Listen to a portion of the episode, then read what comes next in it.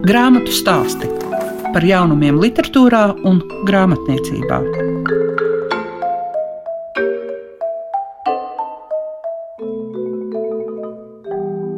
Ikvienai lietai ir vajadzīgs savs stāsts. Tad uz to lūkojamies un novērtējam to daudz savādāk. Tā saka grāmatu stāstu veidotāja Liega Piešiņa, kura šodien piedāvā iepazīties ar Zanes daudziņas dienas grāmatu Mans kara gads un Māra Bērziņa veltījumu dziesmu svētku 150. gadsimtai ar nosaukumu Pastāsti par dziesmu svētkiem. Grāmatu stāsti programmā Klasika.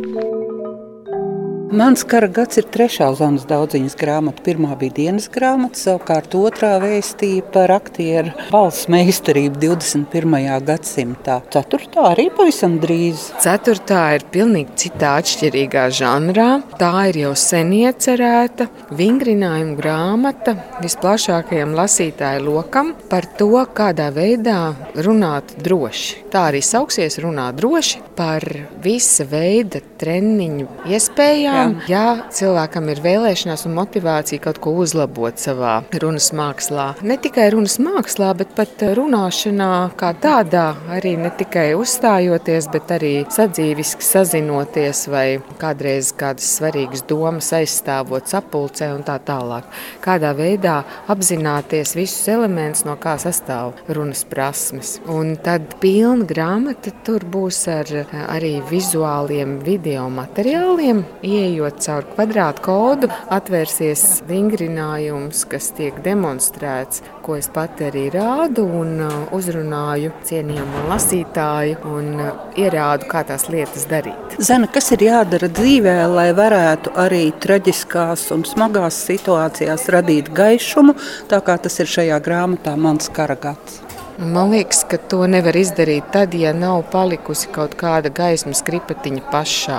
Un es esmu ļoti laimīgs cilvēks tajā ziņā, ka bērnībā es tiku ļoti, ļoti mīļota, bučota. Pirmkārt, es biju ļoti, ļoti gaidīts bērns, un vecāki uz mani bija gaidījuši četrus gadus.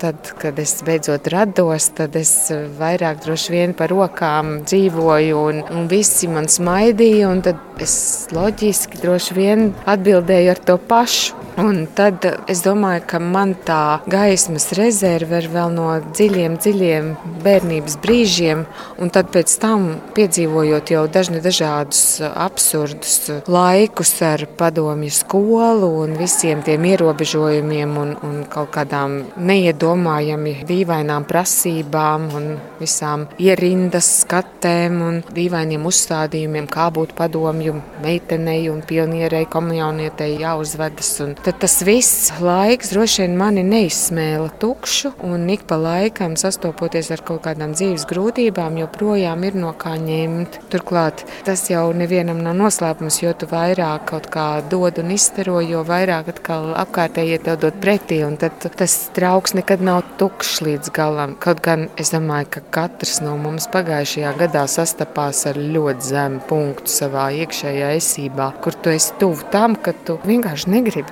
dzīvot tādā pasaulē, kurā notiek šādas lietas, un sāc pārstāt ticēt labajam un tam, ka vispār ir iespējama kaut kāda turpmākā dzīve ar cerību. Bet, nu, kā mēs visi redzam, mēs esam iemācījušies ne tik vien eksistēt un izdzīvot, bet arī pat dzīvot un pat svinēt dzīvi. Tas ir protams, ļoti labi, jo citādi jau nebūtu nekam jēgas. Zana, cik ir atšķirīgi rakstīt, nu tā kā tu rakstīji pirmo dienas grāmatu, tad tu tomēr nedomāji par to, ka tā varētu nonākt. Tagad, es tiešām godīgi domāju, ka rakstu joprojām tikai sev, jo man likās, ka nu, tas ir galēji bezgaumīgi publicēt vēlreiz savu dienas grāmatu. Nu, kas es tāda esmu? Vispār ļoti daudz dižgari nav publicējuši savas dzīves laikā pat nevienu savu dienas grāmatu, kur tur nu vēl divas. Un Un līdz ar to man nebija šīs kritiskās acis no malas. Mani glāba gluži vienkārši tāda elementāra paškritika un doma, ka es pati to gribēšu pārlasīt pēc tam kaut kad. Un tad iespējams, ka tā kā tā latiņa manī ir pietiekami augsta, un es jau sāku saprast, kur ieraksti man pašai šķiet šķērmi un nepatīk, tad es cenšos vairs tādos nemaz neiedzīvoties. Tu... Nav jāsvītro. jā, jā, tieši tā.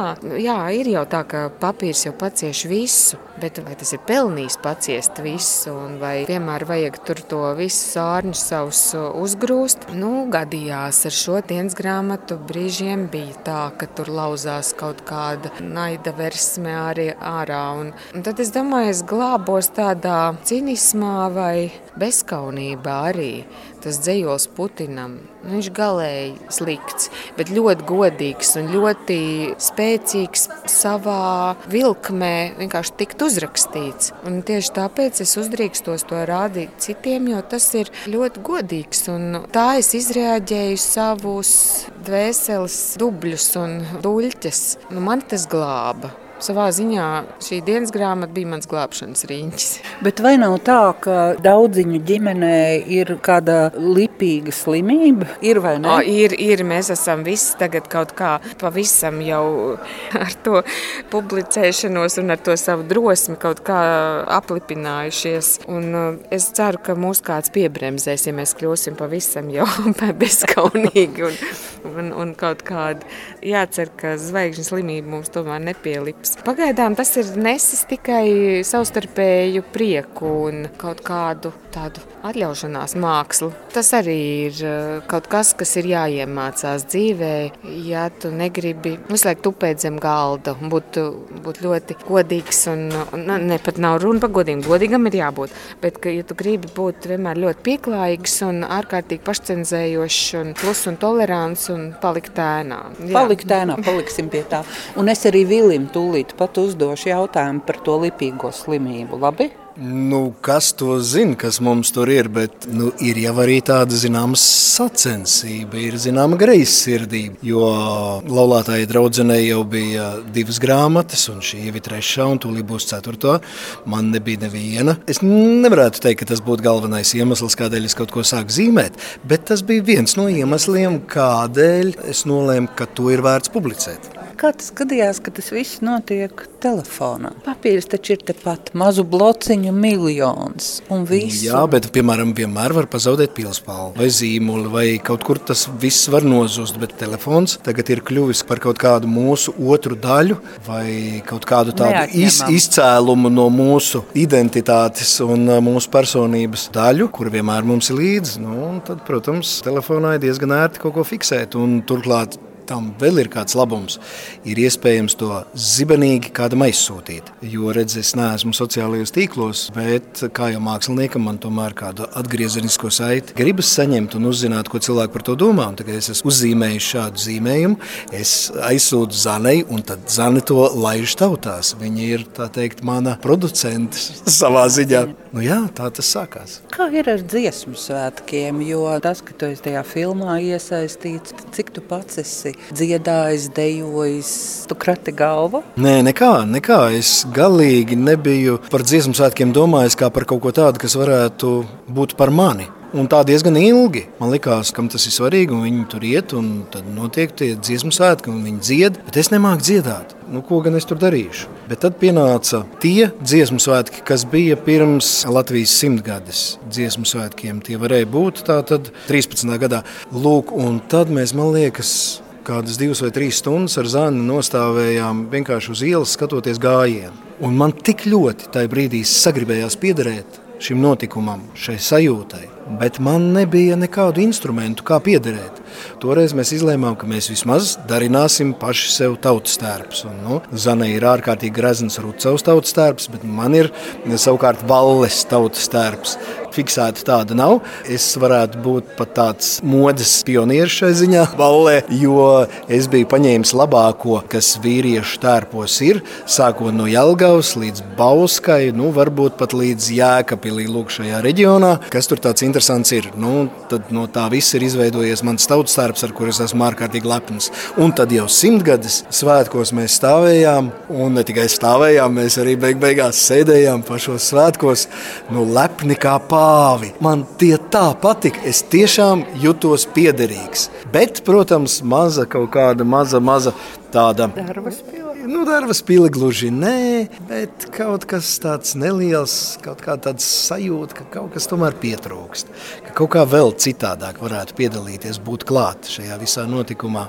Un uh, tad šie zīmējumi gluži laikā nāca. Tas bija Mārta Martinsona uzaicinājums man piedalīties filmā Zem, kas dzied. Tieši tur es sāku zīmēt to, ko redzu sev apkārt, to, kā izskatās mani bārdainie kolēģi, un es pats spogulī, kā notiek šī pārvērtība. Bet tad man tas vairs nešķita pietiekami interesanti būt par tādu laukuma apskatnieku. Man likās interesanti būt tādam kā Mārcis Martinsons vai Dainis Ivāns, kurš veido savu stāstu par tiem notikumiem, kas notika pirms 150 gadiem, un kas ir pats svarīgākais, man likās ārkārtīgi svarīgi padarīt viņus personiskus. Iedot katram tam personāžam, kuru es zīmēju, vārdu un uzvārdu. Viņš nav vienkārši kaut kāds dziedātājs, viņam ir vārds un uzvārds. Viņš ir viens no tiem 1016 dalībniekiem, kas šo tradīciju sāk un kas ir atnākusi līdz mūsdienām. Vai ir viens vai cits labāks telefons, uz kuru zīmēt, vai nē? Vai Es neesmu mēģinājis uz citiem. Nu, skaidrs, ka labāks telefons varētu būt lielāks, jo pirksts ir samērā liels un tīzls, un tas ekrāns ir maziņš, un tādēļ ir diezgan jāpiešaujas pie tās zīmēšanas. Bet, protams, uz lielāku būtu ērtāk, uz planšetes droši vien būtu vēl ērtāk. Tur to varētu darīt ar kaut kādu irbuli vai tā saucamo elektronisko zīmoli. Bet, nu, kā nu es esmu sācis šo žanru, tā laikam arī turpināšu. Nu, tad tev vēl jāpatentē. jāpatentē. Jā. Grāmatu stāsti tiem, kam grāmatu lasīšana ir vērtība. Tūlīt pat jūs varēsiet dzirdēt Māri Bērziņu, jo ir iznācis veltījums dziesmu svētku 150. gadskārtai. Tas ir iznācis pateicoties arī Rakstniecības un mūzikas muzejam. Pastāsti par dziesmu svētkiem. Māri, kas tie tādi? Pastāst par dziesmu svētkiem sākotnēji tapa, ka Rakstniecības mūzikas muzeja pasūtījums dziesmu svētku 150 gadus jubilejas ekspozīcijai, bet tad, kad jau tie stāstiņi bija, pastāstiņi bija tapuši, tad nāca prātā doma, nu ne man tikai, tā skaitā arī man, bet nu, arī muzeja cilvēkiem, ka varētu šos pastāstus, kas domāti ir ekspozīcijai, arī apkopot grāmatā un izdot mazā, mazā grāmatā grāmatiņā. Kāpēc tieši 21? Nu, tāpēc, ka man lūdzu uzrakstīt 20, bet man tas skaitlis nepatīk. Es uzrakstīju 21. Nu, tāda numeroloģiska maiņticība man. Kā tu pats redzi, kas bija tas pats pats pats galvenais, ko šajos pastāstos ielikt? Jo, nu, 150 gadi dziesmu un deju svētku tradīcijas, un, protams, parasti pirmā frāze, kur cilvēki saka, kas tev ir dziesmu svētki. Lai nu man piedod, es tai skaitā esmu tieši tāda pati, bet parasti jau ir tās standarta frāzes, zosāda, bet kas ir šeit, šajos pastāstos? Zosādas tur ir maz, ja vispār ir vairāk ar tādu, varbūt, humora prizmu. Nu, kā kurš, kā kurš šis stāstīns dažādi, nu, ir arī šķiet par kādu 50. gadu laikam bija pastāsts, nu, tur ir nedaudz izsūtījums pieminēts. 49. gada nu, tas nav jautrs, bet nu, ir dažādi. Ir arī tādas kā vēsturiskas liecības, izklāstītas literārā formā, kas ir noticis, bet nu, tad es to aprakstīju savā veidā. Nu, tie ir kādi pāris. Pats pirmais varbūt arī par to, kā septiņas reizes dziedāt Dievs svētīt caru, Božets arī ahraņī un, tādas, nu, vispār zināmas lietas, kuras vienkārši pārstāstīja, bet tāda ir maz. Cik daudz šajos pastāstos ir dokumentālais, vēsture, un cik daudz tur ir nestandarta tā? Nu, es jau minēju, ka daži, es neesmu tādu analīzi un uzskaitu veids, bet nu, par pašiem pirmajiem dziesmu svētkiem. Nu, tad ir, protams, muzeja vēlme, ko lai es rakstu, būtu tāda vairāk emocionāla un ar kādu humoru devu. Tādi mazi gabaliņi, kas raksturotu dziesmu svētku gaisotni. Nu, ne tikai pašu svētku, bet arī tā procesa dalībnieku, nu, procesu, kas ir starp svētkiem, mēģinājumu procesu un tādas lietas. Un arī varbūt no skatītāja skatu punkta, kāds ir ļoti dažādi. Un Vai tur ir arī kaut kas no tevis piedzīvotā? Tur ir, bet to es neatklāšu. Tik Tur ir- briesmīgi.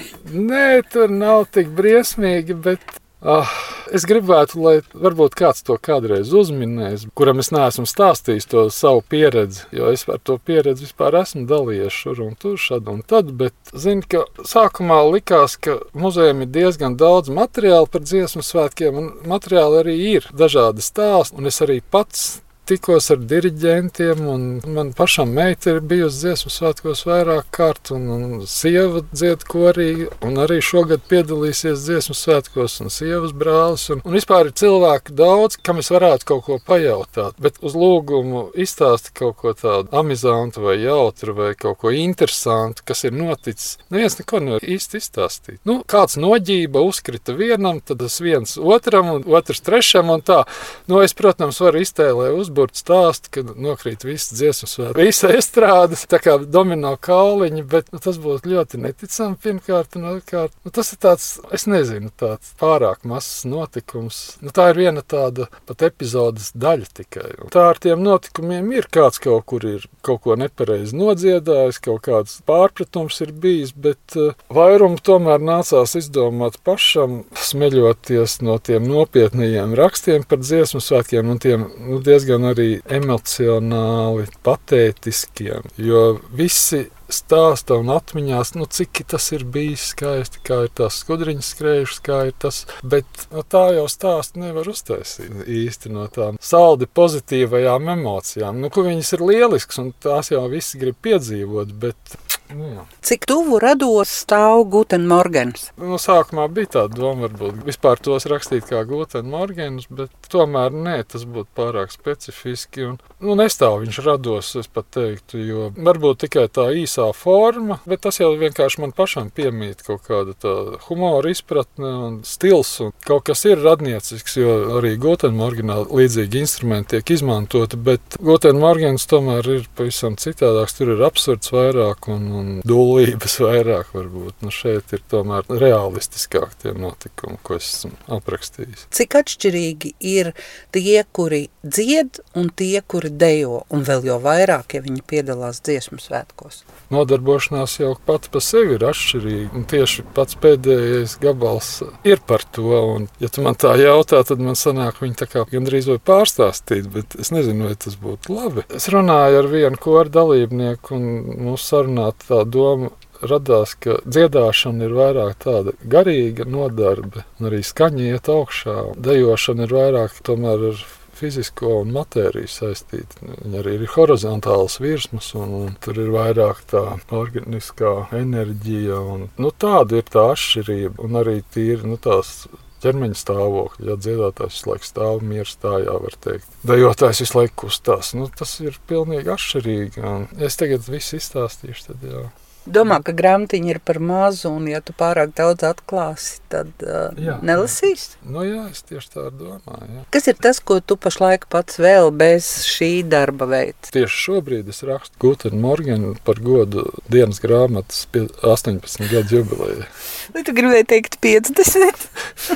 15. Es par to iepriekš jau sāku pārdomāt. Ja es atklāšu, ka tad nepirks, nu tā jau varbūt nē, nu tas muļķīgi diezgan tā uzskatīt. Bet uh, atgriežoties pie dejotājiem un dziedātājiem, nu, kā mums ar vienu koru dalībnieku tas sarunā, tā sanāca, ka beigās veidojas tāds kā krusts. Un, un tāpēc arī tapa gabals ar nosaukumu Dziesmu svētku krusts - vertikālais, garīgais un fiziskais, horizontālais. Ko tu varētu pateikt par dienas grāmatu kā izdevniecību, jo 26. datumā notiks ballīte. Visu to labāko 2011. gadā iznāca man pirmā grāmata dienas grāmatā. Nu, kopš tā brīža es 12 gadus nu, jau pieturos pie tās, un man viss apmierina. un Viss ir vajadzīgs, bet, nu, kā es esmu dienas grāmatā nonācis, nu, man nav tāda vēlme kaut kur rauties prom un skriet uz citu pusi un, meklēt laimi kaut kur citur.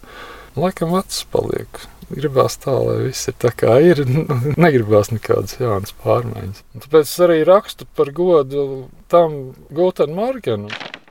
Izskan grāmatu stāsti. Šīs dienas raidījumā bija par Zanes daudziņas grāmatu Mans kara gads, kā arī Māris Bērziņš iepazīstināja ar pastāstiem par dziesmu svētkiem. Līdz citai tikšanās reizei visu labu jums saka Liega Piešiņa.